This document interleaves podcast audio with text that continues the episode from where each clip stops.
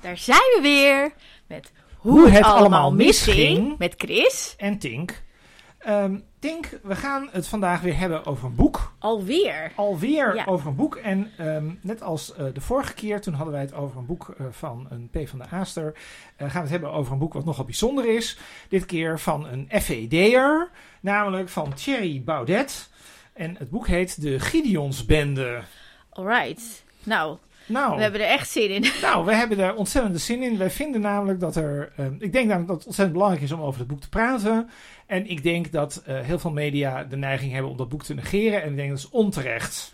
Ja, ik denk dat het heel belangrijk is dat mensen dit boek wel lezen. Ehm, dat terzijde.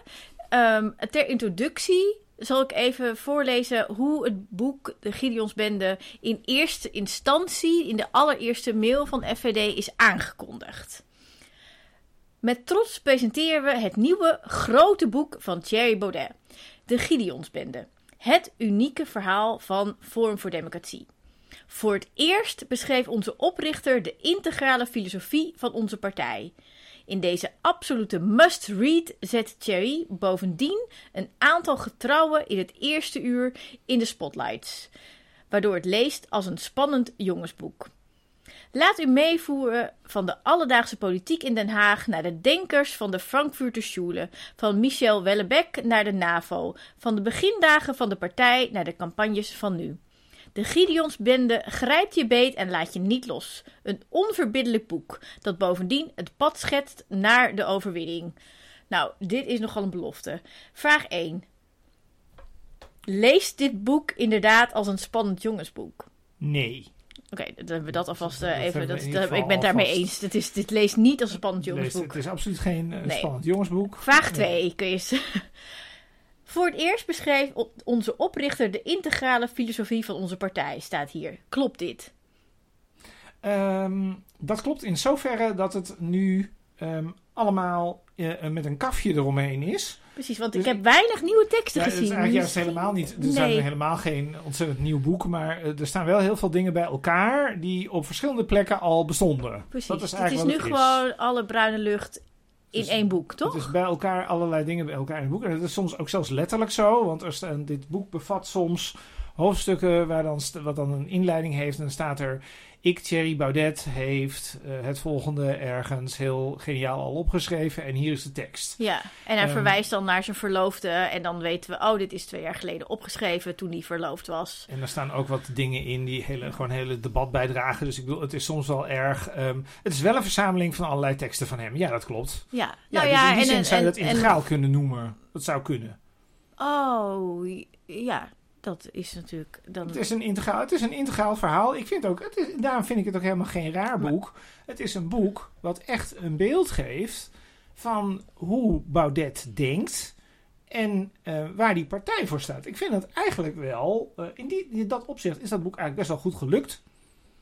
Oh, nou, ik, maar misschien, misschien, misschien. We proberen de luisteraar ook een beetje eh, Ja. eh, geïnteresseerd te krijgen. dit Geïnteresseerd, ja. ja. Ja, nou, wat ik ingewikkeld vind is dat ehm, eh, wat jij zegt klopt, maar je moet wel veel voorkennis hebben, denk ik.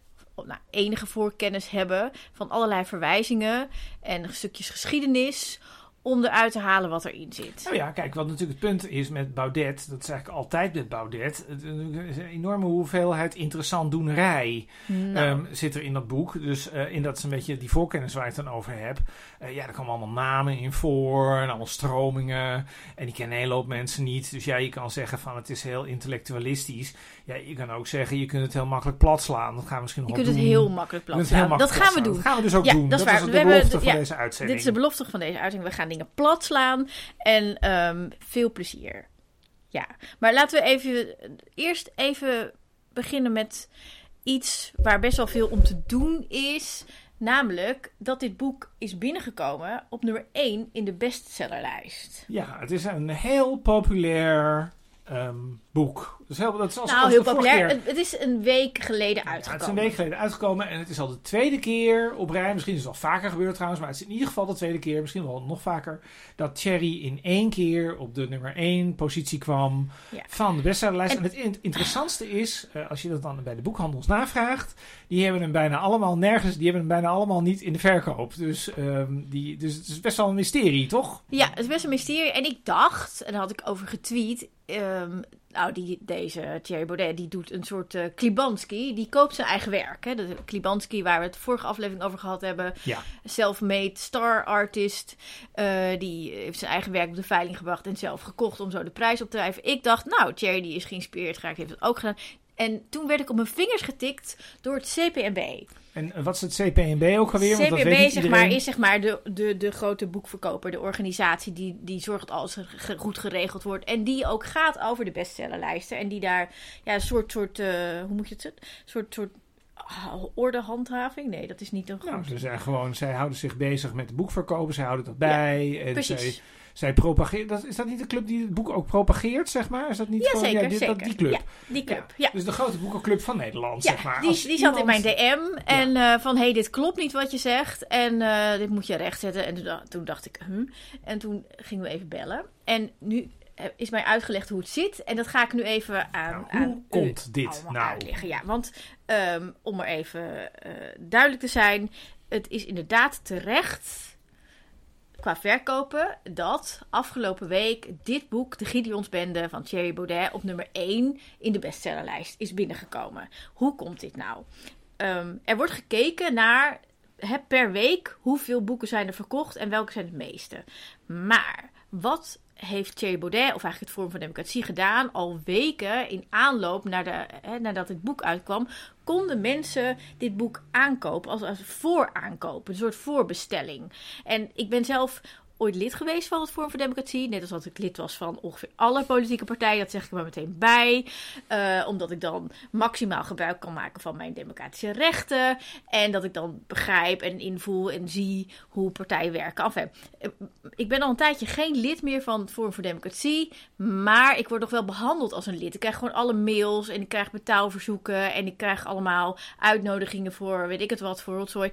Ehm, dus mijn mailbox zat echt afgelopen Maanden, weken. nou, sinds begin januari vol met mails waarin ik toch werd opgeroepen om vooral dit boek alvast te bestellen. Nou, dat hebben veel mensen gedaan. Veel mensen krijgen die mails van forum. Dit is natuurlijk een behoorlijke achterban van forum. Nou, Dus ze hebben wel eens 60.000 leden gehad op het hoogtepunt. Dus ik bedoel, die krijgen waarschijnlijk allemaal nog steeds die mailtjes. Precies, precies. En dan nog heb je nog eh, social media, dus hele campagnes, et cetera, opgezet.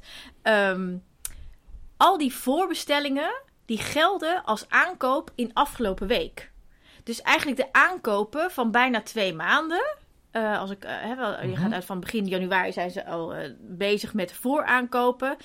Die gelden dus voor afgelopen week. Dus het is, eigenlijk is het niet echt de aankoop van afgelopen week, maar het is de, af, de aankoop, vooraankopen De erbij. maanden is het Pre- nou ja, dus begin januari. Ja, de afgelopen twee weken. Mm. En dan is het makkelijker om op nummer 1, of in ieder geval heel hoog binnen te komen. Nu is het ook nog zo, en dat is ook vast niet toevallig, dat juist deze periode, hè, dus een beetje het begin van het jaar, februari, worden altijd de minste boeken verkocht in general. Dus het is de makkelijkste tijd om op nummer 1 binnen te komen. Dan zou je kunnen zeggen, oh, dit is niet een beetje vals spelen. Nee, dit wordt wel vaker gedaan. Eh, je ziet wel vaker dat je bijvoorbeeld in de boekhandel... dat je een bordje ziet dat je al kan voorbestellen. Een boek dat er nog niet is. De boekverkopen tellen pas mee als ze ook fysiek te krijgen zijn. Maar het is dus een soort marketing natuurlijk die wel vaker wordt ingezet. Het verschil is dat het Forum natuurlijk een behoorlijke achterban heeft. En het dan makkelijker is om zo hoog binnen te komen. En zo kun je ervoor zorgen dat je op nummer 1 staat. Zo kun je ervoor zorgen dat je nummer 1 staat. Dat is bij het vorige boek ook gebeurd. Het was een vorig boek. Het heette Het Corona-bedrog. Dat was ook heel Precies, slecht. precies. En eh, god, dat staat ergens, nou best wel laag in de zeg maar jaarlijkse top 60. Staat het helemaal onderaan. Dus dan, hè, dan, dan laten ze zien hoe goed ze verkopen en nummer 1 binnenkomen. Maar als je dan de jaarcijfers kijkt, dan blijkt dus dat ze het helemaal niet zo heel goed doen. Dus Eigenlijk, het eigenlijk komt het erop neer dat zij die, die verkopen... Dat is een enorme piek zeg Dat is- ja. Dat vanwege die voorverkoop. En daarna sterft het eigenlijk gewoon Exact. helemaal weg. En die piek komt niet door de gewone boekwinkel. Want die denken over het Oh algemeen... ja, laten dat, is- dat is misschien ook nog wel goed om te zeggen. Dus er zijn een aantal boekhandels in Nederland en die tellen die aankopen. Dat geldt dus niet voor alle boekhandels. Ehm, en Thierry Baudet heeft natuurlijk een eigen boekverkoop, eigen boekhandel. Dat is volgens mij Amsterdamse boekhandel heet het, geloof ik. Ja, Het, heet, het, is, het is een handelsnaam van de uitgeverij. Het heet Amsterdam Books. Dus- En daar kun je dan precies. Oh ja. alles van Exact, exact. Ja. Nou, de eerste boeken die eh, hij zelf uitgaf, want daarvoor zat hij bij Prometheus. ehm, die kwamen niet zo hoog binnen en daar was, was Thierry eh, niet zo blij mee. En toen bleek dat zijn eigen boekhandel niet was aangesloten bij de boekhandels die meetellen. En dat- dat proces duurt ook best wel lang om dat aan te vragen. Maar nu hebben ze dat aangevraagd. En nu telt zijn eigen boekhandel mee om te tellen. Dus dat is een hele fijne manier. Het is wel een beetje, ik vind het eigenlijk wel een beetje een stom, stom eh, fenomeen. Omdat ik ook denk van ja, hoeveel mensen zouden nou in deze tijd, hè, waarin je aanbevelingen van allerlei mensen kunt krijgen, van je eigen netwerk, et cetera. Wie zouden nou nog kijken naar zo'n boekentop 10? En als, je, en als je echt niet van plan bent dit boek te kopen. Ik bedoel, als jij geen FVD'er bent, dan koop je dit waarschijnlijk sowieso niet. Nou, Dus het is een beetje gek dat hier zo'n enorme focus op ligt. Een beetje vreemd. nou, die focus wordt natuurlijk vooral door hemzelf erop gelegd. Door Zeker. de VVD.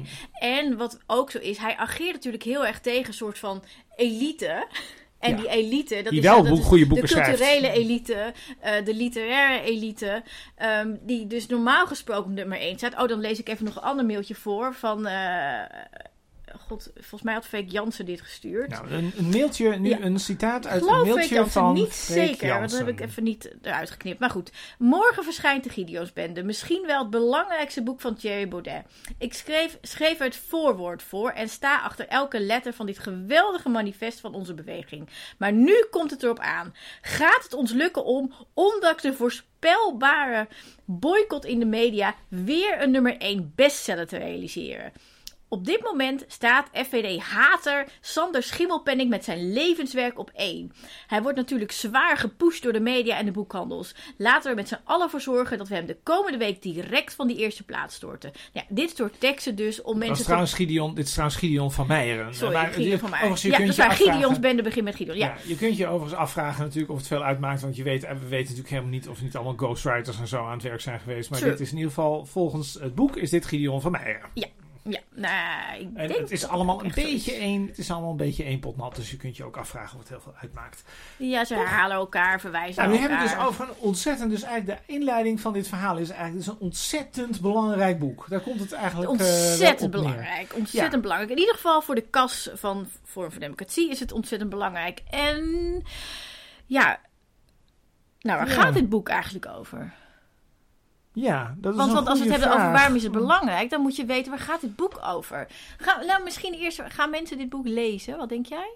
Nee, ik denk dat niemand het gaat lezen. Ik denk dat de aanhang het al weet. Ehm, dus die wil het misschien... Kijk, vroeger, dus een beetje een flauwe vergelijking misschien... maar vroeger had je Frits Bolkestein. Die was toen eh, leider van de VVD. Een beetje intellectuele man. En die schreef ook boeken. Dus die bundelde dan allerlei opiniebijdragen. En die, er kwamen dan boeken over uit. En als je dan bij VVD'ers langskwam... die stonden altijd, stond dat in de mensen hun boekenkast. Dus stond een heel rijtje Frits Bol- Bolkestein boeken. En dan zei, vroeg ik altijd, heb je ze ook gelezen? En er kwam altijd een beetje hetzelfde antwoord op. Ik denk het al, Nee, nee, nee, niet nee, helemaal. Ja. Ja, En- wij zijn natuurlijk allebei wel een beetje van die idioten die dit soort boeken Ja. graag lezen ook. Precies, een beetje dus een wij rare een hobby beetje- die we hebben. Daarom hebben een wij deze podcast. Precies, dus ik denk Ja. eigenlijk dat de meeste mensen die bij Forum zitten, die weten eigenlijk wel ongeveer wat Thierry vindt. Ja, Ehm, nou, het kan best zijn dat ze er eens een keer in beginnen. Ja of misschien een hoofdstukje kunnen. of zo. Ja, maar precies. ik geloof helemaal niet dat mensen dit massaal... Ik geloof helemaal niet dat die achterban dit massaal eh, leest. En mensen die natuurlijk buiten Forum staan... eh, ja, die denken natuurlijk helemaal... Kijk, het allerbelangrijkste argument natuurlijk om dit niet te lezen... dat moet ik wel even bij zeggen, is... eh, dat je natuurlijk Forum voor Democratie hiermee spekt. Dus, ehm, Precies, het is een, een vorm van sponsoring. het is een sport, nou ja, het is een, het is een uitgeverij die eh, van Forum zelf is. Ehm zelfs, opge, zelfs deels opgericht met belastinggeld. Ehm komen we nog op. En ja, de, de, dan zijn de royalties, die, die uitgeverij is heel klein, die royalties zijn heel hoog. Ehm, het is allemaal via de eigen verkoopkanalen, dus het is allemaal het is een soort stapeling. Hè? Want ik bedoel, kijk, als je bij Ja. een gewone, als je bij de Bruna bij wijze van spreken, of bij Libris een boek koopt, dan gaat het natuurlijk, nou ik weet niet wat het percentage is, maar dan gaat er wel 40% of zo naar zo'n boekverkoper toe. En dit gaat helemaal niet via de Libris, dit gaat allemaal via de eigen webshop van Ja. Forum voor Democratie. En Forum voor Democratie strijkt dus eigenlijk een enorm... Waar heb enorme jij besteld, de jouwe? Eh, ik heb hem volgens mij besteld bij, eh, ik heb hem eh, besteld bij een hele grote winkel, online winkel. Want dat is namelijk de manier waarop Forum voor Democratie er het minst aan verdient, volgens oh, mij. ja. oh ja, ik heb bij, bij een lokale boekhandel. Dat, dat, dat zeg maar de, zeg maar de literaire wereld ook Dat is nog wat nog beter, heeft. maar je Ja. wilt ook, dat is ook een beetje het punt Ja. natuurlijk, dat je ook denkt van ja, moet ik nou wel, wil ik nou wel gezien worden met dat werk? Ja. Ehm, dus je dan ging is in de trein lezen. ja, dus dan is een online winkel is dan gewoon heel fijn, zeg maar, want je blijft gewoon lekker anoniem erbij. Ja. Ja, Ik nou, ging het zo. Ophalen in, in de lokale winkel en toen vroeg ze welk boek is voor u. Toen zei ik het slechtste boek in de kast. En toen, nou goed. Ja. Af hem. Waar gaat, Eh, dit waar boek gaat over? het boek gaat dit boek nou eigenlijk Waar- over? Ja, nou. Nou, dit gaat dus over de filosofie van Forum voor Democratie. ja, is- is- oh, jouw Gooide ik microfoon. mijn microfoon om. Dit voor het net eerst was dit. Ja, nou, dat is dus zeg Dat maar... heeft u niet kunnen zien. Het, was wel heel, het zag er Het wel heel leuk spannend. uit. Het was wel heel grappig. Ja. Goed, op de eerste pagina van het boek Ik ben wel staat... heel benieuwd hoe dit, hoe dit klonk trouwens. Maar dat weten we dus niet. Nee. De eerste pagina van het boek, Tinkerbell. staat de Gideonsbende. Het unieke verhaal van FVD, de ware aard van de tegenstander en hoe we kunnen winnen. En als ik dan even meteen maar daarop inga, volgens mij gaat dit met name over tussen aanhalingstekens de ware aard van de tegenstander. Ehm, en die tegenstander is volgens Thierry het cultuurmarxisme. Ehm, en het cultuurmarxisme is volgens Dikke van Dalen een complot. Ik ga nu even heel erg volgens volgens. Ja, het heel, eh, dit is een hele... zeg ik dat is ik het heel netjes en dan is het niet mijn mening, maar ik denk er wel zo over. Ja. om te zeggen eh, dat, het niet, dat je er niks mee te maken hebt met wat Ja. je zegt. Dus kort gezegd is het een complotboek. Nou, kijk, wat hij doet... Dan even wat, ik zal hem eens even wat neutraler formuleren. Ik zal hem nog iets neutraler formuleren. Ja, Volgens mij is dit boek gaat over een ideologie. En die ideologie, je hebt eigenlijk twee ideologieën in dit boek. Je hebt de ideologie van Forum en je hebt de ideologie waar Forum tegen strijdt. En wat Forum doet, wat, wat, wat Baudet hier doet, is hij heeft een heel verhaal over wat er allemaal niet deugt aan de huidige maatschappij. En dat maakt hij ehm, in hoge mate ideologisch. En dan zou ik graag de epiloog willen voorlezen. Doe ik ook eens één keer een stukje voorlezen. Ehm, dat gaat namelijk over ehm, wat, er, wat er mis is. Als je een grote beschaving te gronden wil richten, dan zou je een lijstje kunnen opstellen met de dingen die je daarvoor zou moeten doen. Massale immigratie, onteigening van de boeren zodat de voedselvoorziening in gevaar komt, de energieprijzen tot onbetaalbare hoogte laten stijgen, de geschiedenis herschrijven, gezinnen en familiestructuren stuk maken door LHBT-propaganda en feminisme, moderne kunst en moderne architectuur promoten om de ziel van de mens te verstoren, transnationale verbanden instellen dat je, zodat je de democratie stuk maakt, een onwinbare oorlog beginnen tegen een land waar je juist fantastisch mee zou kunnen samenwerken, puntje, puntje, puntje. Eigenlijk moet je zo ongeveer alles doen wat de mensen van het kartel doen met ons land. Dit is een heel goede samenvatting van heel veel hoofdstukken uit het boek. Dit, is allemaal, Ja, dit zijn allemaal maar dingen... dit zegt nog niet, want ik, ik kan me voorstellen dat heel veel mensen die nu luisteren niet weten wat het cultuurmarxisme zo even, maar ik, wil is. even, ik, maak hem even, ik maak hem even iets Oké. algemener. Ik ga één stapje terug. Je zegt, dit zijn allemaal dingen waarvan wij eigenlijk weten dat Forum daar tegen is. Dus Forum is tegen onteigening van boeren. Forum is tegen LHBT-propaganda, zoals ze dat noemen. Feminisme, moderne Moderne- kunst, moderne tegen. architectuur. Nou, wat zij zeggen is, dat is een ideologie. Dat is wat zij zeggen. In dit boek in ieder geval. En wat zij ook zeggen, dat staat, dat staat een beetje verspreid door het boek. Dus je moet het daarvoor wel heel het staat goed heel doornemen. vaak in. Ja. Dat staat eigenlijk dat de staat niet meer neutraal is tegenwoordig. De staat werkt mee aan deze ideologie. Dus het idee van dat de staat een neutrale intermediair is tussen mensen die allemaal verschillende meningen hebben, dat is eigenlijk voorbij. Zij legt Dus- ons iets op. De, de, de staat legt ons dit op. Dus de staat legt ons op dat wij over klimaat, dat wij met klimaat aan de gang moeten gaan, dat wij LHBT-propaganda en zo. Nou, ehm, dat is volgens mij, dat is vol, dat is, en dat is eigenlijk helemaal niet nieuw, hè? Dat, is, dat, weten, dat weten we eigenlijk allemaal wel, dat hij dat vindt. En dat, maar dat laatste zinnetje, wat dus aan toegevoegd wordt van de staat legt ons dat op, Hm. dat geeft het natuurlijk eigenlijk al een complotterig karakter. Want ik bedoel, hè, we, zullen even, we nemen even het klimaat. Bij klimaat, ja, je kunt er allerlei dingen van vinden van het beleid, maar het klimaat wordt gewoon, het wordt gewoon warmer. En wat Thierry eigenlijk doet in dat boek, is dat hij zegt, ja, eh, het wordt wel, het, nou ja, of het warmer wordt, dat weten we eigenlijk niet precies. Maar er wordt ons de hele dag aangepraat door de staat dat, wij, eh, dat het warmer wordt. En dat wij dan allerlei dingen moeten gaan doen. Ja. Dat is dus nu al. Ja, ze hebben mensen dus laten geloven in het bestaan van racisme en het bestaan van klimaatverandering. Babyboomers, die hebben op school of op televisie of via popmuziek en tal van andere kanalen onbewust de beginselen van de kritische theorie ingelepeld gekregen. Diversiteit, klimaat en racisme. Dit is, ik, ik lees een stukje voor van, ik ben even Dit was, dit was niet, dit was niet Tinkerbell's Dit was eigen niet tekst. Nee, Tinkerbell heeft het erbij gepakt en ik kan even de afzetter niet meer vinden. Maar dat doet er niet zoveel toe. Ik zal het taggen in eh, Instagram. Wat wil ik nou zeggen? Dit is een, weer een voorbeeld Ja, van dit is een hoe... voorbeeld, dit is- ja. Je gaf juist een heel goede aanvulling van hoe zij de wereld zien. Zij Ja. zeggen niet, er is racisme. De, de mainstream Precies. zegt, zeg maar, er is racisme. Dat is trouwens ook niet waar, want daar is discussie over. Maar Precies. zij zeggen dan... De zij dat- zeggen eh, dat de- staat ons heeft laten geloven dat er racisme is. Ja, terwijl er natuurlijk gewoon een debat is. Dus, dat is de- dus die hele stelling is op Ja. zichzelf onzin. En dit doen ze eigenlijk... Doen ze dit op al die punten. Dus ze doen het bij feminisme, bij architectuur. En zo zijn er heel veel voorbeelden in het boek. En dat zijn eigenlijk allemaal voorbeelden die we al van hen kennen. Dus dat is eigenlijk helemaal niet nieuw.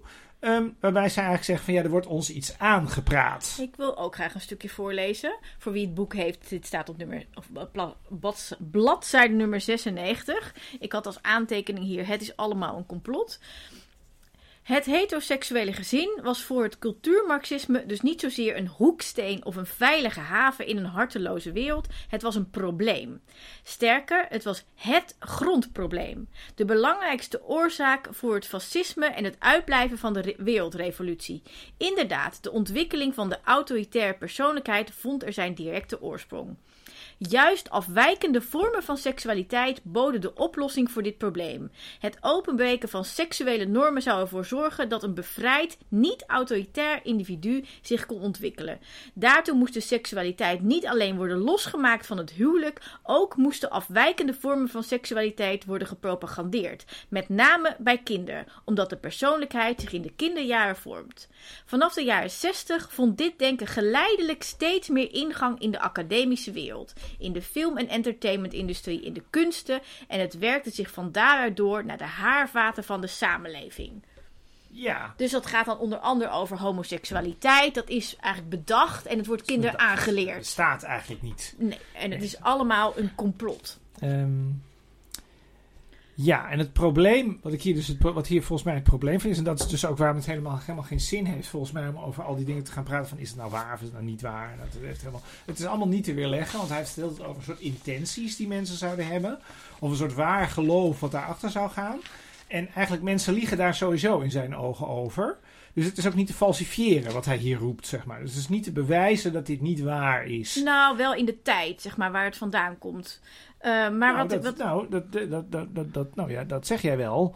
Maar kijk, ehm, wij gaan volgens mij in, het gewone, in de gewone wereld gaan we er redelijk van uit dat mensen transparant zijn over wat ze vinden. En ja, maar de opkomst van het feminisme bijvoorbeeld was Ja. er al voor, zeg maar, de theorie van het cultuurmarxisme. Ja, Dus het dan kan zeg maar, feminisme niet ontdekt. komen door cultuurmarxisme. Nee, met cultuurmarxisme heeft natuurlijk pas later ontdekt dat dat de reden was dat het feminisme ontstond. Dus dat is natuurlijk, zo kun je natuurlijk, elke, dit is precies eigenlijk de illustratie, zo kun je elke keer aan de gang blijven. Ja. Nou, wat ik, wat ik ook belangrijk Geen vind om te aan. melden, is dat ehm, eh, belangrijke theoretische van het cultuurmarxisme zijn onder andere Kevin McDonald en Jared Taylor.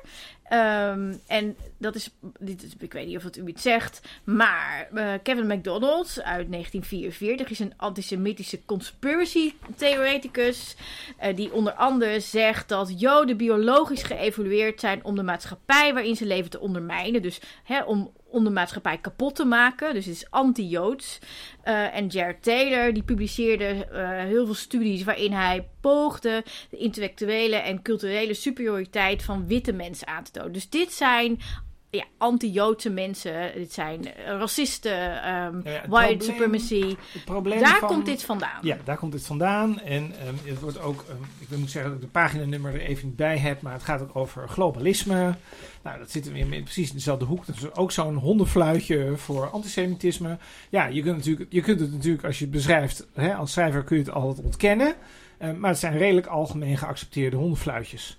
Precies, zijn het. precies. En het is uiteindelijk, ja, als je het hebt over globalisme, als je het hebt over dit soort auteurs, dan heb je het gewoon over jodenhaat. Dat zit erachter. Want de vraag is natuurlijk, wie hebben dat, de, om het even heel concreet te maken, de vraag is natuurlijk, wie zijn er met dit grote complot begonnen? Nou, daar weten we het antwoord wel op.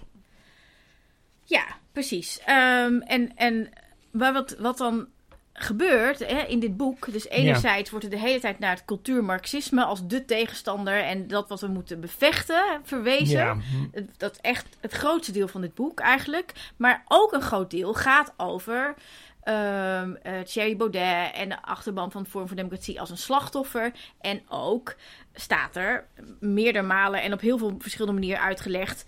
Ik lees nu een stukje voor. Wij zijn geen fascisten, wij zijn geen racisten, geen antisemieten of homohaters. Wij zijn nationalisten. Dus voorstanders van een wereld bestaande uit soevereine natiestaten en daarmee van het in houden van bestaande naties, waardoor ook ons standpunt over het ondersteunen van gezinnen, feestdagen, eerbetonen aan het verleden enzovoort wordt geïnspireerd. En we zijn twee democraten, dat zijn ze niet. Dus voorstanders van een kleine overheid met veel vrijheid voor weerbare, zelfredzame individuen. Hoor dit goed, hè? Voor weerbare, zelfredzame individuen. En referenda om de overheidsmacht binnen de perken te houden. Eh, en het beleid te toetsen op draagvlak. Als democraten zouden we overigens ook nooit buiten rechtsstatelijke middelen ondersteunen onze ideeën te realiseren. Nou, dit is dat is flagrant. In, Bullshit. dat is echt flagrant in tegenstelling met ongeveer alle uitspraken die ze de afgelopen Ja. maanden hebben gedaan. Ja, ze, ze- bedoel, ze, ze zijn als partij al, al ondemocratisch. Maar het bestormen van een parlement, om maar even met meneer Van eh Meijeren te spreken, Ja. of het intimideren van journalisten, dat hoort daar toch niet echt helemaal ze bij. willen juist uit allerlei eh, eh, rechtsstatelijke middelen, middelen daar willen ze afstand van nemen.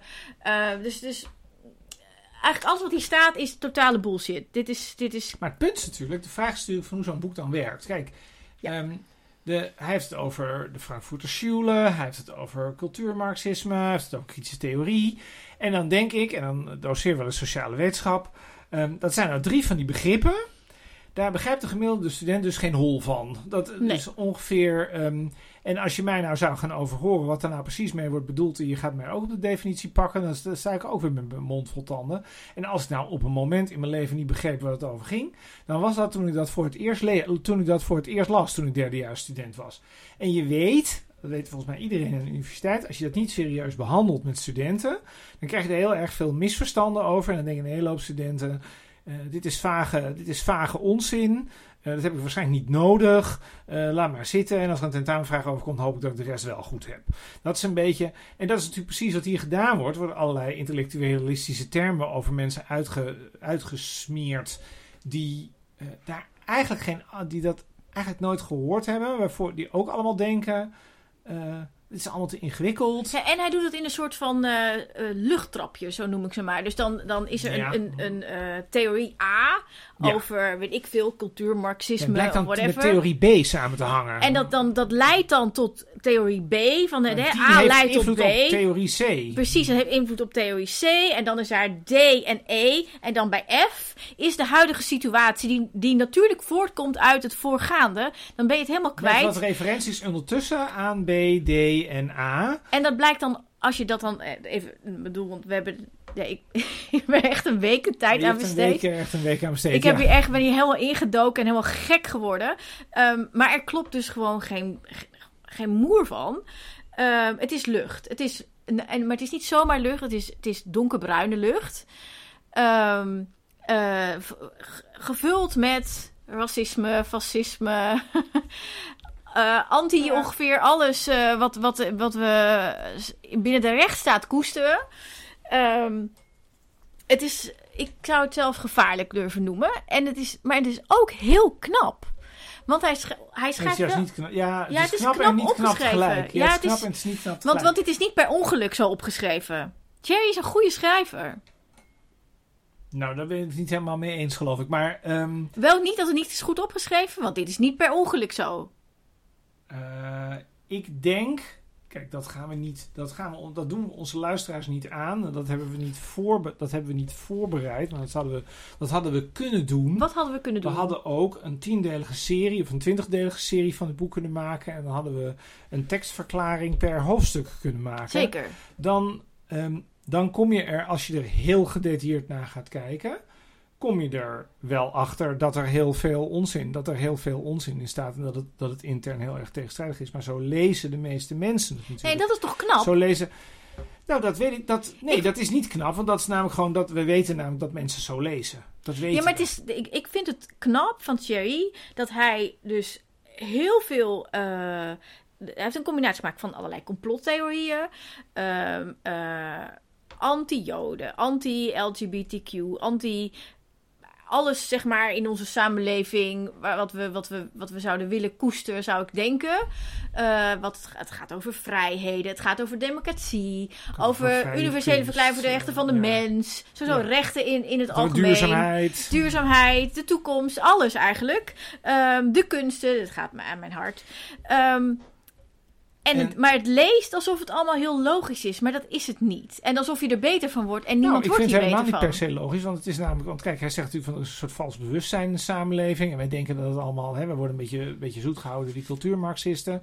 En het zit eigenlijk allemaal totaal anders. Maar de vraag is natuurlijk of de gemiddelde lezer ehm, na vijf minuten nog weet wat hij nou eigenlijk gelezen heeft. En eigenlijk is het natuurlijk iets, een knap schrijven is natuurlijk het omgekeerde. Knap schrijven is, is dat mensen dat boek gelezen hebben en denken. En zo zit het. Het enige wat dit boek doet, het enige wat dit boek doet, en dat is waarom het wel een boek is over de integrale filosofie van Forum, is dat het alle thema's die door Forum de afgelopen jaren naar voren zijn gehaald, dat ze die aan elkaar breien. Mhm. En dat je dan, ja, dat je dus zou kunnen zeggen van er zit een soortzelfde structuur achter. Dus de structuur is de hele tijd, het is eigenlijk, het is onderdeel van het grotere complot. En daar hebben allerlei mensen over nagedacht. Dat hebben ze u niet verteld. En nu hebben wij van Forum hebben dat als enige voor u doorgeprikt. Dat is de structuur. Ja. Dat het terugkomt. Ik moet nu denken aan, eh, jij vertelde vorige week dat jij een, ehm, een oud FVD'er hebt gesproken. ehm, van, die nu bij jaar 21 zit. Ja. En die heeft een uitspraak gedaan over het verlaat van de FVD. Zou Ja. je die uitspraak nog een keer willen herhalen? Ehm, nou ja, die zei dat hij... ehm, ik heb heel veel dingen over... over eh, maar je weet van- denk ik waar ik, waar Nee, ik naar- niet. Wat heb, ik- dat heb ik ook weer gezegd. Dat hij zich een NSB'er voelde? Ja, dit- dat hij, ja, dat hij, die zei, ehm, eigenlijk een beetje, we, eigenlijk, we hebben gebouwd aan de NSB en we zijn één dag voordat we werden verraden, zijn we eruit gestapt. Ja. Dat is eh, hoe sommige mensen dat ervaren hebben die daarin zaten. Die daar ook behoorlijk spijt eh, van hebben. En dat is natuurlijk weer eigen aan die sectarische eh, manier van, van, van denken die hierin zit. Je, je zit er eenmaal in en dan kun je er eigenlijk kun je er niet meer uit. Want je wordt de hele tijd gepusht om alles op dezelfde... Want iedereen die zegt, hè, ook als je naar deze podcast zou luisteren. Als je dan zegt, ja, maar die Alberts dat is een homo. En die Tinkerbell dat is een kunstenares. En feminist. Die, die is een Ja. feminist. En die heeft haar kat dood En die heeft geen kinderen. En die heeft geen kinderen. Die, die, die Ja. Die, die, die is ook zich helemaal niet... Die werkt trouwens aan een linkse universiteit. Dat helemaal geen linkse universiteit. Dit maar zijn nou typisch universiteit. Precies, cultuurmarxisten. dus wij zijn sowieso ook onderdeel van het cultuurmarxistisch complot. Dus je maakt het ook onmogelijk, zeg maar, Ja. om die hele stelling ehm, te, te, te ondergraven. En dat is ook precies hetgene wat het, ehm, wat het gevaarlijk maakt. Omdat eigenlijk, Baudet doet dat tegelijkertijd wel met het aura van... ik ben een gepromoveerde wetenschapper van de Universiteit Leiden. Ik heb 15 boeken op mijn naam staan. Ik ben een intellectueel. Ehm, terwijl de, de eerste opmerking... Kijk, wij, wij praten er nu heel lang over... maar die eerste opmerking van een gemiddelde wetenschapper... van de Universiteit Leiden of van elders... zou zijn... voetnoten, meneer de dokter. eh, waar, waar, waar blijkt dat allemaal uit? Ehm, nou ja, ik weet niet of jij ze bent tegengekomen... maar het wij- zijn er wel heel weinig. Ja, paar. Ja. Ja, ja ik, ik, ik moet Als nu denken aan, uitkwam. aan ehm, ehm, hoe makkelijk zeg maar, hij er dingen inschrijft die ook gewoon heel zichtbaar en heel controleerbaar niet waar zijn. Zo schrijft hij bijvoorbeeld helemaal in het begin, op pagina 26. ehm,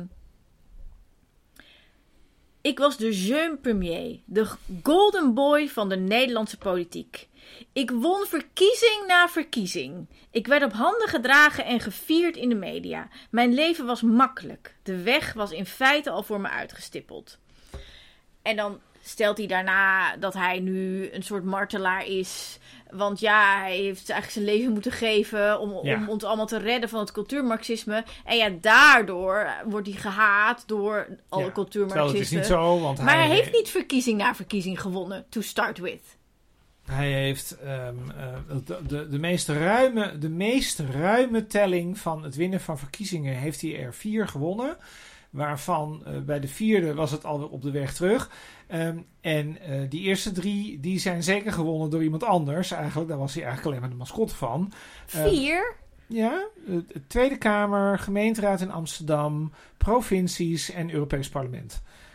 Nee, ik zei ruim, ge- ruim gerekend. Ruim, ruim gerekend. Zeer ruim gerekend. Want je kunt, ik zou zeggen, die Amsterdamse verkiezingen, dat was absoluut, daar had Annabel Allinga ook nog wel wat mee te maken. Maar hoe, hoezo zou je zeggen dat hij de Amsterdamse verkiezingen ruim heeft gewonnen? nee, maar ja, dat is één zetel. Nou ja, ik zou zeggen, maar ik wil. Ik wil Dat is toch niet ruim gewonnen? Nee, nee, nee, ik zou. Hij heeft volgens mij maar één verkiezing Nee, gewonnen. nee, Dat is de provinciale statenverkiezingen. Nee, nee, nee. En dat is zeg maar meteen weer verloren, omdat er bijna niemand is blijven zitten. Dat is niet waar. Dat hij heeft in 2018 drie zetels gewonnen in de Amsterdamse gemeenteraad. Ja, je kunt je afvragen, want zo begon je, daar heb je gelijk in. Maar dan heb je toch niet verkiezing Nee, tot na verkiezing even, gewonnen? wacht even. Je hebt die, je hebt, dan kun je nog steeds zeggen, drie zetels in de Amsterdamse gemeenteraad, dat is niks. Maar als je nou een beetje welwillend met hem meedenkt, en ik wil best een beetje welwillend met hem meedenken over dit soort dingen, dan zou ik zeggen, voor zo'n rechtse club is drie zetels in Amsterdam best wel een grote overwinning. Ja, nee, maar- ik heb wel erg veel voetnoten nodig om het allemaal te lukken. Precies, Maar ja. het punt is natuurlijk dat hij... Niet dat, verkiezing na verkiezing Ja, heeft won wel gewonnen. Won Hij heeft wat zetels gewonnen. Nee, dat is echt iets won- anders. Ze kwamen vanaf nul, dus ze hebben vier keer meer gewonnen dan ze hadden. Dat is zo. Maar het punt is nou juist dat daar drie keer een communicatieapparaat achter zat. Waar allerlei andere mensen mee bezig waren. Waar hij alleen maar het gezicht van was. Dus deze meneer was helemaal niet gevierd. Ehm, er was al irritatie over die vent vanaf dag één ongeveer. Ehm, het, was een, het, was een, het was een groter apparaat. En daarom was het destijds ook bedreigend voor de gevestigde orde, et cetera. Dat was niet omdat meneer Baudet eh, zo ontzettend populair was. Want meneer Baudet die zei, begon dan over homeopathische verdunning. En had de VVD en het CDA en iedereen had dan allerlei reden, had dan reden om te zeggen: Forum dat deugt niet. Terwijl de mensen die achter Forum stonden juist wilden dat dat een nette club was. Nou ja, je kunt allemaal iets zeggen over. Ja, nee, maar hoe- ik vind drie zetels halen niet een verkiezingen Nee, ik vind, nou ja, ik vind het is- een beetje overdreven. Het is een beetje overdreven. Ja, precies, precies. Maar kijk, Ja. laten we even eerlijk Ik wil- zijn. ja. Laten we even eerlijk zijn. Bij de provinciale staatsverkiezingen, ze zijn binnenkort, eh, waren ze de grootste partij van Nederland. Eh, Ja, heel Nederland kan nu op de, op de posters in het land zien dat lijst 1 heel vaak Forum voor Democratie is, omdat ze namelijk de grootste zijn geworden. Ehm, dat, dat, dat laat iets zien over Ja, dat Nederland dat massaal, nee, dat Nederland massaal gekozen heeft op een club ehm, met, een, met een leider waarvan mensen nu allemaal zouden denken: ik moet eigenlijk toch in therapie dat ik dat ooit, dat ik dat ooit heb gedaan. Dus in die zin zijn we, mogen we blij zijn dat die mensen daar in ieder geval van af zijn gegaan. Hmm. Zo? Je je bent niet zo overtuigd. nee, nee, nee, nee. Hij, hij verliest tegenwoordig, laat ik het anders zeggen, korter. Hij verliest tegenwoordig verkiezing na verkiezing. Nou, ik denk dat het ook een semantische kwestie is. Ik denk namelijk dat hij bedoelt te, te- suggereren voor de, de, de, de, de mensen die dit echt niet weten, dat hij hem met winnen suggereert hij, bedoelt hij ook te suggereren, dat hij de grootste was, verkiezing na verkiezing. En dat was niet zo. Nee, dat is hier één keer geweest. Punt. Precies, ja. En, en dat is daarna verloren. En dat was vrij snel. Precies, precies. Maar. ehm, Jij wil nog graag iets voorlezen. ja, ik wil, ik wil drie fragmenten voorlezen om eigenlijk aan te tonen ehm, hoe hij framed en dingen publiceert die dus niet waar zijn. En, en suggesties. Nummer 1. Wie zich aanmeldt voor de opleiding tot rechter of officier van justitie en daarbij aangeeft te stemmen op populistisch genoemde partijen, wordt waarschijnlijk niet aangenomen. Het zou een contra-indicatie zijn. Eén op de drie toegelaten studenten van die opleiding blijkt ondertussen D66 stemmen. Dat weten we helemaal niet, want we weten niet waar studenten op stemmen, want dat hoef je helemaal niet te zeggen. Daar is helemaal geen onderzoek Nee, naar. dus en dit dat is- is ook helemaal niet wat gevraagd wordt als je rechter wordt. Nee. Eh, dus Dus hij suggereert eigenlijk dat je D66 moet stemmen om rechter te kunnen worden. Nou, dat is natuurlijk bullshit. Even kijken. Terwijl recht- D66 is gewoon een rechtsstatelijke partij, of een relatief rechtsstatelijke partij, behoorlijk. En eh, ja, daarom zitten een hele hoop mensen die in de rechtelijke macht zitten ook bij D66. Dat Ja. is natuurlijk logischer. Fragment nummer 2. Via een Great Reset moet een hoger bewustzijn worden gekweekt dat mensen losweekt uit hun traditionele betrekkingen en hen ontvankelijk maakt voor mondiale aansturing en controle, uitgevoerd door enkele grote internationale spelers. Corona was voor de globalisten de ultieme en misschien zelfs geplande kans om deze controle verder door te drukken. Waar komt dat? Je, je vraagt je af waar het, vanda- waar het vandaan haalt, hè? Dit is 100% fantasie, is dit. Ja. Dat is wel knap. Ik denk nummer wel, wel 3. nog een derde fragment. Ja, er zijn nog veel meer, maar er, zijn, goed, er ja. zijn er talloze. De aanslagen op de Twin Towers werden vrijwel direct en zonder veel onderbouwing toegeschreven aan een enigmatische organisatie genaamd Al-Qaeda, die onder het al even nevelige leiderschap zou staan van een Arabische prins, een zeker Osama bin Laden. Hij zou onderdak krijgen in het gebergte tussen Pakistan en Afghanistan en vanuit zijn grottenstelsel zou hij deze aanval hebben gecoördineerd. Of zoiets. Als je, als je schrijft of zoiets, Ja. dan weet je het eigenlijk zelf, dan weet je het zelf eigenlijk ook niet precies. Ehm, ja, dat, dat, eh, en, en dank aan alle journalisten en alle wetenschappers die daar allemaal achteraan zijn gegaan en hebben uitgezocht hoe dat dan wel zat. En Baudet schrijft op, het is niet zo en dan moeten wij dat maar. De enige, de enige reden natuurlijk om dit te geloven is omdat je, omdat je gewoon ergens in die fuik terecht bent gekomen. Ja. Wil je Ja, er toch nog een vierde? Ik zie je nu Nee, door- is voor de helderheid, eh, Tinkerbell is nu driftig door het boek aan het bladeren. Ik heb het idee dat Tinkerbell ons toch nog een vierde fragment wil laten horen. Ja, eh, maar ik wil een bruggetje maken, want... Want? nou, dat is mijn hartje. Ehm, Het belangrijkste deel van dit boek. mijn hartje. Nou ja, dat, dat denk ik. Ja, even kijken hoor. Ehm, nou ja, eigenlijk gaat het over zijn angsten. En eh, het gaat over fusiedwang bij gemeentes, ziekenhuizen, scholen en bedrijven. De, ex- de excuses voor het verleden. De LGBT. Oh, de Q staat er niet bij. Propaganda. De woke-hysterie is ook allemaal heel bang voor. Of de moderne kunst en architectuur die onze ziel verstoren. En dan, dit staat er drie keer in. De eerste kon ik even niet meer terugvinden. Maar dus ik ga wel even nog naar de derde keer. Ehm, dit is een Dit is een punt wat hij natuurlijk al een tijdje langer Ja, maakt. zeker, zeker. Dit is eh, zeg maar wanneer bij de, dat was vier jaar Rijk geleden ook- natuurlijk in zeg maar de de El van Minerva speech. Toen was dat ook. Ze maakt zich in Derde Rijk al erg druk over. Eh, zeker. Zeker. Zeker. Zeker. Eh, noemen het er maar even bij. Het art de kunst. Nog een heel veel kunst is verboden toen, het moderne kunst. Alles wat, wat, wat onherkenbaar was en abstract, et cetera. Ehm, dus heel veel kunst is verloren gegaan. Heel veel, eigenlijk, ik dwaal af, maar ik wilde toch even zeggen. De reden dat eigenlijk de kunsten in de Verenigde Staten hebben gefloreerd, zo'n beetje vanaf de Tweede Wereldoorlog, is dat heel veel kunstenaars, vooral Duitsland, eh, maar wel ook eh, breder Europa, zijn gevlucht naar de Verenigde Staten.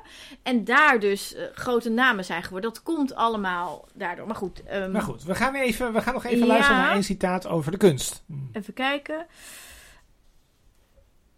Ehm, als je een grote beschaving te gronden wil richten, dan zou je een lijstje kunnen. Heb je dit niet voorgelezen net? Nee, Nee? Oh, oh dat lijkt er weer op. de, de ironie hiervan, dat dacht ik eigenlijk, ik dacht dat wel net bij het vorige citaat, dit is wel heel grappig. Ehm, dit is dus waarom je dus ook dat boek eigenlijk niet helemaal hoeft te lezen, omdat er namelijk een enorme herhalende Ja, dreun precies, in zit. Precies, ja, ja. Dus ehm, dat plus alle, alle witregels en alle halve pagina's en de dikke, ehm, dikke eh, regelafstand eh, maakt ook dat je denkt, als ze nou wat nee, dit heb duurzamer... voorgelezen, Als, volgens nee, het is niet waar. Als ze wat duurzamer zouden zijn bij Forum voor Democratie, zou dat boek de Ja, helft de van de... epiloog? de- dat is de epiloog. Dat Ik heb de- ook de Oh, je epiloog. hebt ook de epiloog. Je vond het ook een belangrijk punt. nou, het staat op meerdere plekken. Ehm, nog eens een keer. We doen we belang. De epiloog is heel belangrijk. Als je is, het belang- boek, ja, is belangrijk. de epiloog begint op pagina 231. Heel belangrijk.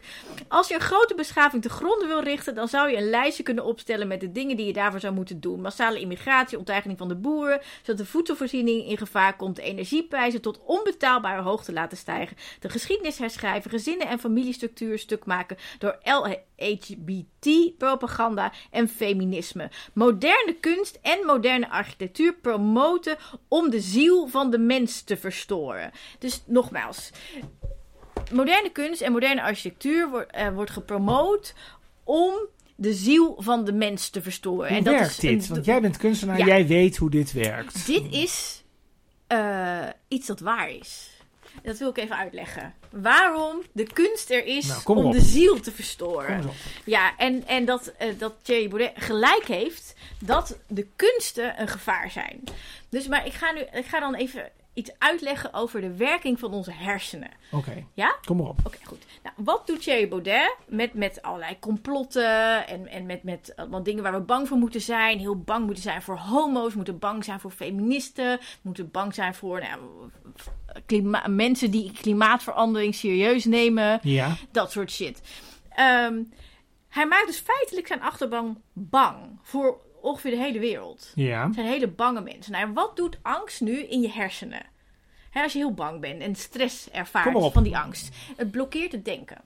Dus door zijn achterban bang te maken en steeds banger te maken, komen ze in een soort cirkel. Waardoor ze minder goed kunnen denken en daarmee ook worden, ontvankelijker worden voor deze theorieën die debiel zijn. Want de hersenen werken minder goed. Dus hij heeft er baat bij om deze angst te creëren. Want dan kunnen mensen minder goed nadenken en trappen ze meer in al deze theorieën. Worden ze nog banger, et cetera. En op een gegeven moment heb je gehoord makke schaapjes die precies doen wat koning Thierry zegt. Dat is de ene kant van het verhaal. En dan, wat doet nou de kunst? Wat doet de wat kunst? doet de kunst? Waarom is kunst nou zo gevaarlijk, Ja, zoals Thierry misschien ons de moderne vertelt? kunst. Met ja, name de moderne kunst, die is het ergst. En de moderne architectuur. Is natuurlijk, kunst is heel breed, maar op het moment dat, dat je het even heel erg eh, eh, abstract zou zien, zeg maar, is, is een kunstwerk is altijd een, een interventie in een context. Dus de de context is bijvoorbeeld een witte muur. Ja, Ja, en als je daar een schilderij aan ophangt, dan heb je een interventie gepleegd op de witte muur. Het is namelijk ineens een witte muur met een schilderij. ja. Ja, dus het kan ook een ruimte zijn. De ruimte is gewoon een straat waar je doorheen fietst. En ineens staat daar een kunstwerk. En dan is het een ruimte waar je doorheen fietst waar ineens een kunstwerk staat. Mhm. Ja, goed. Wat gebeurt er als er een ruimte altijd ongeveer hetzelfde is? Of je context elke keer hetzelfde is, je bent eraan gewend. En je fietst daar elke dag doorheen of je loopt er elke dag langs. Ja, dan doet dat niet zoveel met je hersenen, want het is elke keer hetzelfde. Op het moment dat je daar een interventie pleegt, hè, dus een kunstwerk plaatst, op wat voor manier dan ook, dan is er iets anders en dan moeten je hersenen dat verwerken. Op het moment dat je hersenen vaak iets moeten verwerken, train je feitelijk je hersenen en word je slimmer. Dat betekent dat kunst al dat werk van koning Thierry niet doet. Daarom is het gevaarlijk. Dus Thierry heeft gelijk. Thierry heeft gelijk als je inderdaad wil dat mensen makke schapen worden die niet meer kunnen nadenken. Oh ja, dat is wel een beetje, eh, dat zat ik zelf een beetje, en dan zijn we ook weer terug bij het begin trouwens. Ehm, je hebt die, ehm, hij zegt op een gegeven moment zegt hij van ja, ehm, de doelgroep, dat gaat eigenlijk over mensen zijn nu geïsoleerd en eenzaam en zwak geworden en zo. En dat komt, dan, hè, dat komt dan weer door dat cultuurmarxisme. Maar de grote grap is, wat doet hij nou eigenlijk in dat boek? Want als je dan makkelijk schapen hebt van mensen die niet meer nadenken en onkritisch zijn en eenzaam, dan heb je precies die mensen te pakken die tegenwoordig de doelgroep van Forum voor Democratie zijn. Dus Mhm. mensen die een beetje geïsoleerd staan, mensen die, ehm, nou ja, die, eh, die, die graag in een grote leider geloven. Die geeft hij ook met dat boek een perspectief. Dat is eigenlijk Oh. het, eh, het, ja, we- komen denk ik ongeveer op hetzelfde. Ik ben benieuwd wat jij dan Nou, wilt citeren. Welke namelijk- pagina zit Ik jij? zit op de ene laatste pagina, pagina Oh, ik zit op 234. 142. Nou, Ga ik- jij maar eerst, het Nou, perspectief. Het perspectief hebben we twee perspectieven gevonden, kennelijk. Mijn per- volgens mij is het perspectief dat de community van Forum voor Democratie sterker moet worden. Dus die mensen die een, beetje, die een beetje losgeslagen zijn, of die niet zo nadenken of onkritisch zijn, ja, de makke schapen. de makke schapen, die moeten gewoon, die kunnen gelukkig bij Thierry, eh, kunnen, die, kunnen die terecht. Dus dan gaan we, eh, citaat van pagina 234, met onze app onze uitgeverij, onze studio waar we programma's in opnemen, met onze eerste school, onze jongerenbeweging, onze Glossy, de dissident, met onze internationale afdeling, ons Renaissance Instituut, met haar wekelijkse borrellezingen, met onze events in het land, onze cursussen en trainingen, al die zaken doen, doen wij wat, met al deze zaken doen wij wat we kunnen om gelijkgestemden te verbinden met elkaar. Het is mijn hoop dat, dat ons voorbeeld navolging zal vinden. Dat velen ons voorbeeld zullen volgen en niet slechts zullen blijven zeggen wat er anders en beter moet, maar ook elke dag zullen doen wat mogelijk is om de noodzakelijke veranderingen in de praktijk te brengen. Einde citaat. Dus wat gebeurt hier eigenlijk? Hier wordt eigenlijk gezegd, die hele politiek, dat is eigenlijk sowieso niet, hè, dat, is, dat leidt sowieso niet tot verandering, want dat is namelijk één groot complot. En als u nou, maar mocht u nou mij wel geloven, hè, dus die fuik ingezwommen zijn, Ja. nou dan kun je gelukkig, hebben wij dan een app, waarvan waarschijnlijk de vorm de kosten afroomt, maar ik weet niet of de app überhaupt loopt. Dan kun je je kinderen naar onze eigen forumschool sturen. Dan kun je je abonneren op, onze, op ons magazine. Dan kun je naar borrellezingen toe, moet je ook voor betalen. Dan kun je onze boeken kopen. En zo kun je eigenlijk de hele bij die gelijkgestemden, die ook dat fijne forumgevoel hebben, kun je, eh, nou, kun je bij aanwezig zijn. En dan zijn we weer terug bij het begin, bij dat verdienmodel waarbij we aan het begin waren. Namelijk dat Forum eigenlijk een verdienmodel is Ehm, voor een, een club die ooit populair was, maar tegenwoordig marginaal in, in politiek opzicht. Um, waarvan je ook kunt afvragen of dat in politiek opzicht überhaupt veel, veel toekomst heeft. Want ik bedoel, het gaat eigenlijk alleen maar naar beneden. En het wordt zo extreem dat een hele, dat hele hoop mensen toch liever op de PVV stemmen, bij wijze van spreken, die in die hoek zitten. Ehm, maar natuurlijk die laatste zielen die dan nog wel achter je aanlopen, ja, die wil je natuurlijk zo, zo dicht mogelijk tegen je aan hebben. En daar hebben we hier allerlei betaalde opties voor om je te verbinden met de andere lotgenoten van Forum voor Democratie. Oh ja, dit, dit, dit raakt wel aan, aan, aan op pagina 142. eh, en namelijk waarom je dat zou willen, dat verbinden. Waarom wil je dat? Ehm, nou, omdat ehm, dit eigenlijk alle componenten heeft van een secte. En dat ga ik ook even, even eh, ja, eh, motiveren met een klein stukje tekst. Waardoor ik dit ineens, dat, me dat ineens realiseerde. Dit is een spirituele strijd. Een strijd om de menselijke geest te redden van de verwoestingen die zijn potentiële ingenieurs van plan zijn er tegen aan te richten. Het is een strijd waarin de menselijke natuur op het spel staat, waarin het mensdom als zodanig op het spel staat. Ja. Dan moet je wel erg diep in de fuik ingezongen zijn als je dit wil geloven, toch? Nou, dit is al op de helft van het boek. Ja, het is al, nee, maar ja, zoals wij al zeiden, het staat op allerlei Het plekken. staat op allerlei plekken, ja precies. Dus ik denk dus, nou ja, Het perspectief is kom bij de secte. het perspectief is kom bij de secte, zodat Thierry Baudet heel veel geld verdient. Ik denk dat het heel goed is dat we gewoon dit afsluiten met aardige woorden. Ja. Aardige woorden in de eerste plaats voor Piet Lekkerkerk. Mensen weten waarschijnlijk niet, ik denk niet iedereen Ja. weet wie Piet Lekkerkerk is. Ja, je- als je op Twitter zit, volg Piet Lekkerkerk Dan moet op je Piet. Lekkerkerk je moet volgen. hem volgen, Eh, ja. Piet Lekkerkerk is namelijk een van de meest kritische volgers van Forum voor Democratie in Nederland. En ehm, het verhaal dat wij net vertelden over die uitgeverij. Ehm, dat is niet het verhaal van Piet Lekkerkerk. Want het verhaal van Piet Lekkerkerk is namelijk nog veel ingewikkelder dan wat wij net vertelden. Dat is bijna niet te vertellen. Maar Piet Lekkerkerk zoekt dat dus uit. En waar Piet Lekkerkerk dus achter is gekomen, is dat die uitgeverij, waar we het dus nu over hadden, dus die uitgever die dit boek heeft uitgegeven, dat was aanvankelijk was dat een merk van Forum voor Democratie. Dat is opgehouden, dat is eigenlijk dus met belastinggeld is dat opgericht. En later is dat een commerciële BV geworden. Nou, dat staat heel uitgebreid staat op zijn blog hoe dat gegaan is in verschillende fases, maar waar het op neerkomt is dat die uitgeverij met belastinggeld is opgericht. En dat uiteindelijk, ja, daar wordt die, dat is nu gewoon een commerciële onderneming geworden in de bezit van ongeveer, nou ja, eh, Baudet en wat andere FVD-kamerleden. En die, ehm, Maar hij doorzoekt daar nu- ook sowieso de geldstromen Hij onderzoekt die geldstromen ja, en al en die... heel goed. En er zijn heel weinig mensen in Nederland die dit doen. Dus daarom aardige woorden voor Piet Lekkerkerk. Ja, ook namens mij. Ja, ook Zo. namens mij. Ja. En ik heb nog iemand anders waar ik iets heel aardigs over wil zeggen. Het is iemand die een eigen hoofdstuk heeft gekregen in het boek van Thierry. Ehm, en eh, het is Sigrid Kaag. Ehm, die systematisch wordt weggezet als ja, een soort meesterverrader en een heks. Ja. En eh, gisteren nog dat er mensen met fakkels eh, haar hebben opgewacht. En ik zag net een tweet van Cherry waarin hij dat toch eh, aanmoedigt door nog een keer eh, zijn betoog in de Tweede Kamer over dat zij een spion zou zijn, herhaalde.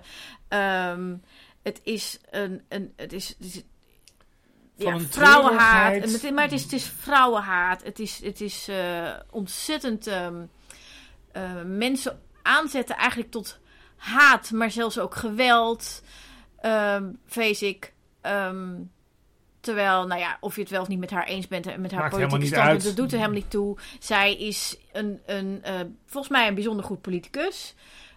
Zeer inhoudelijk, intelligente vrouw met een enorme carrière.